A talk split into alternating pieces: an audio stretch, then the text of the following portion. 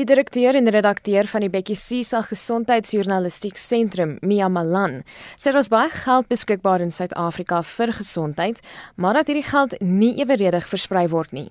As mens kyk wat Suid-Afrika spandeer op gesondheid, dan is dit 'n baie hoë persentasie van ons gross domestic product. Dis 8% en dis 'n baie hoë persentasie in vergelyking met baie ander lande. Maar die probleem daarmee is dat min of meer 4% van die GDP word op die openbare gesondheidssektor bespandeer en dan die ander 4% op die private gesondheidssektor. Die probleem is dat 84% van die mense in die land op hierdie 4% staat maak vir mediese hulp. Daar is wel 'n klein ander persentasie wat byvoorbeeld self betaal daarvoor. Waarop hierdie verdeling van geld deurkom is dat die helfte van die geld in die land wat op gesondheidsorg spandeer word, word op 16% van die mense spandeer en die ander helfte word op 84% van die mense spandeer. En jy kan dink dat daar dan baie minder geld is om vir die 84% van die mense te sorg en dat hulle 'n baie ander tipe van diens sal kry as die baie goeie sorg wat ons in die privaat sektor het. Die idee is dus om hierdie gaping kleiner te maak om daai geld meer eweredig te versprei sodat ryker mense tot 'n baie groter mate as wat op die oomblik die geval is, armer mense sal subsidieer om beter sorg te kry. Sy sê daar is verskeie tekorte in staatshospitale en klinieke. Daar is nie genoeg mediese personeel wat daar werk nie, daar's nie genoeg dokters en verpleegsters en terapeute nie. Daar's nie genoeg toerusting nie en dan word dit ook nie onderhou nie. En daar is 'n redelike lae moraal in die hospitale. En dan ook in die in die apteke is daar dikwels nie genoeg pille nie of die apteke word nie goed bestuur nie en dan raak die ehm um, die pille op en dit word nie betyds weer ehm um, bestel nie. Indien jy 'n staatshospitaal besoek, is daar volgens Malan nie noodwendig 'n tekort aan vaardigheid nie. Gewoonlik is dit 'n geval van te veel pasiënte vir te min mediese personeel. Hulle gaan baie lank wag en As hulle dan vir jou pille voorskryf, dan is daar dikwels nie die pille wat jy nodig het by die apteek waar jy dit moet gaan kry nie, of daar's nie genoeg byvoorbeeld vir die tydperk wat jy dit nodig het nie. So ons het te doen met 'n uh, openbare gesondheidssektor wat heeltemal under-resourced is, maar wat ook dikwels nie baie goed bestuur word nie. Verder is daar gewoonlik korrupsie in die hospitale daar is te min geld vir die 84% van mense wat nie geld het om 'n mediese fonds te hê of privaat fasiliteite te bekostig nie.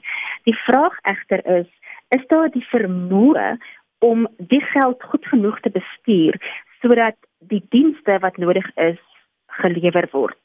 Die minister argumenteer dat die huidige wetgewing hom nie toelaat om krisisse te voorkom of om te verseker dat betroubare leiers aangestel word as ALR vir gesondheid in die onderskeie provinsies nie, omdat hulle bestuur word deur die onderskeie premiers.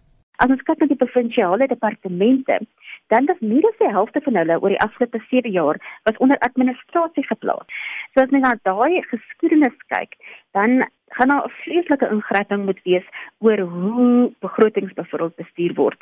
En dit is nie net geldelike begrotings nie, dis ook begrotings soos byvoorbeeld hoe begroot jy met medisyne om te beplan om genoeg medisyne vir die volgende 3 maande of vir die volgende 6 maande te hê.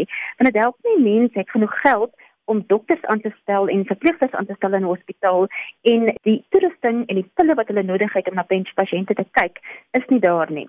Volgens hom word 'n groot gedeelte van die nasionale begroting aan provinsiale departemente toegeken. Hy meen die kompetisie is nie van so 'n aard dat goeie dienslewering as belangrik beskou word nie. Baie min fasiliteite het byvoorbeeld 80% gekry, net 5 oor die hele land van openbare gesondheidsfasiliteite het 80% gekry. Tipe van dinge waaraan hulle gemeet word is goed soos het hulle genoeg personeel, is hulle skoon, het hulle goeie infeksiebeheer, is daar genoeg beddens vir pasiënte, word die apteek byvoorbeeld goed bestuur. Al daai dinge word saamgemeet om te kyk of dit 'n funksionele gesondheidsfasiliteit is. Intussen het die minister 2 jaar terug 'n kantoor vir gesondheidsstandaarde oopgemaak wat fasiliteite persentasiewys evalueer.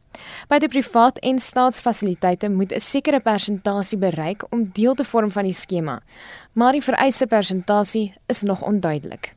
Die departemente is dan die voorsieners van dienste, maar hulle is ook die kopers van dienste. Met ander woorde, daar's nie so baie aanmoediging om 'n goeie diens te lewer nie, want dit maak soort van die saak watter diens jy lewer nie, daai diens gaan steeds die diens wees wat die provinsiale departement aankoop. Dis baie anders in die privaat sektor. In die privaat sektor is die fasiliteit wat die dienslewers nie dieselfde fasiliteit wat die diens aankoop nie. Die mediese fondse koop die diens aan en die pasiënte. So jy kan mos besluit waar jy wil gaan op grond van waar jy dink 'n beter dokter is of waar 'n beter hospitaal is. En wat hy wil hê moet met wetgewing gebeur, is dat wetgewing verander sodat hy meer magte het en sodat hy geld om die dienste aan te koop deur die nasionale gesondheids skema beheer word en in effek deur die nasionale gesondheidsdepartement. Dit was Mia Malan, die direkteur en redakteur van die Bekkie Sisa Gesondheidsjournalistiek sentrum. Ek is Marlene Forsie vir SAK nuus.